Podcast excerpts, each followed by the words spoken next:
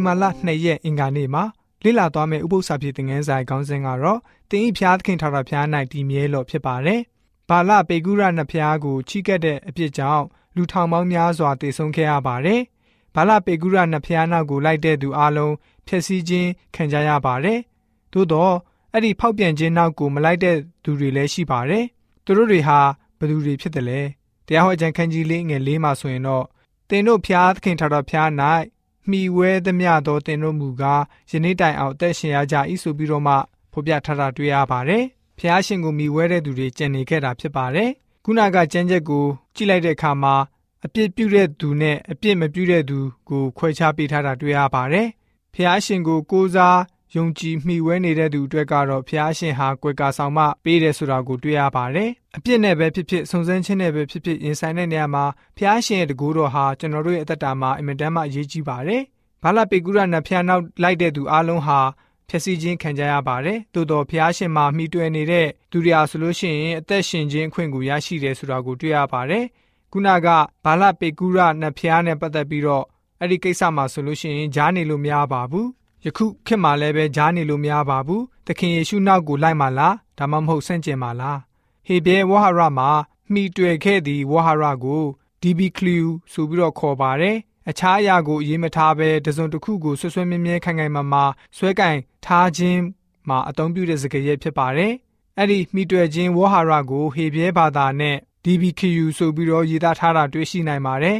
။ဇနီးပေါ်ခိုင်ခိုင်မာမာဆွဆွဲမြဲမြဲမိသားစုကိုဆွဲလန်းတဲ့ ယောက်ျားမျိုးကိုလည်းပဲသုံးထားတာတွေ့ရပါတယ်။တရားဟောကျမ်းထဲမှာနောက်ထပ်၄ချိန်တိုင်တိုင်ဖော်ပြပါရှိတာကိုလည်းတွေ့ရပါတယ်။တရားဟောကျမ်းခန်းကြီး30အငယ်20တရားဟောကျမ်းခန်းကြီး17ငယ်20တရားဟောကျမ်းခန်းကြီး73ငယ်4တရားဟောကျမ်းခန်းကြီး30ငယ်20မှာရေးသားခဲ့တာကိုတွေ့ရပါတယ်။လူတွေဟာဖျားသခင်ကိုမှီတွယ်ကိုးစားတည်ကြည်စေဖို့အကြောင်းတွေပဲဖြစ်ပါတယ်။ဖျားရှင်ကို မိမိတို့ကိုကိုစက္ကန့်အနံဖို့ဖျားရှင်ထံကတကူတော်နဲ့ခွန်အားကိုရယူဖို့ဖြစ်ပါတယ်။လူတွေဟာမိမိတို့ကိုကိုအဓိကကြတဲ့သူတွေလို့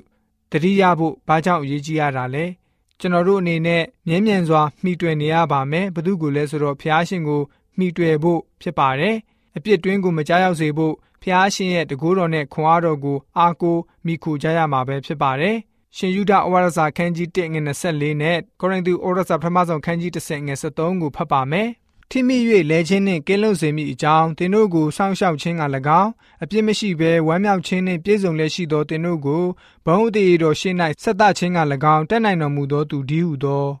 လူ၌ဖြစ်တတ်သောစုံစမ်းနောက်ဆက်ခြင်းကိုသာသင်တို့သည်ခံရကြ၏ဖျားသခင်သည်တစ္ဆာနှင့်ပြည့်စုံတော်မူသည်ဖြစ်၍ သင်တို့မခံနိုင်သောစုံစမ်းနှောက်ယှက်ခြင်းကိုသင်တို့၌ရောက်စိမ့်သောငါအခွင့်ပေးတော်မူမူသင်တို့သည်ခံနိုင်မိအကြောင်းစုံစမ်းနှောက်ယှက်ခြင်းအရာနှင့်တကွထမြောက်သောလမ်းကိုလည်းစီရင်ပြပြင်တော်မူလိမ့်မည်ဆိုပြီးတော့မှဖော်ပြပေးထားတာတွေ့ရပါတယ်ဖျားသခင်ဟာဆိုလို့ရှိရင်တစ္ဆာနဲ့ပြည့်စုံပါတယ်ကျွန်တော်တို့ကိုလဲကြခြင်းကနေကာကွယ်နိုင်စွမ်းရှိပါတယ်သို့တော့ကျွန်တော်တို့အနေနဲ့အော်တပသဘောရွေးချယ်မှုကိုကြားကြရမှာဖြစ်ပါတယ်ဘသူကိုရွေးချယ်မလဲ ကျွန်တော်တို့အနေနဲ့ဖျားသခင်ကိုအထူးမိတွေ့တစ္ဆာရှိရပါမယ်။အဲ့ဒါမှသာလျှင်စုံစမ်းနောက်ဆက်ခြင်းအပေါင်းကြားရောက်လာတဲ့အခါမှာတစ္ဆာရှိစွာတည်မြဲနေမှာပဲဖြစ်ပါတယ်။ဒါကြောင့်ကျွန်တော်တို့အနေနဲ့ဖျားရှင်နဲ့မိတ္တရာဖွဲ့တဲ့အခါမှာဆူတောင်းခြင်းအဖြစ်တော်၎င်း၊ကျမ်းစာလေ့လာခြင်းအဖြစ်တော်၎င်းဖျားဝတ်ပြုခြင်းအဖြစ်တော်၎င်းလှုပ်ဆောင်ခြင်းအဖြစ်ဖျားရှင်ကိုပုံမိုပြီးတော့မှတစ္ဆာရှိစွာတည်မြဲနေမှာဖြစ်တဲ့အတွက်ကြောင့်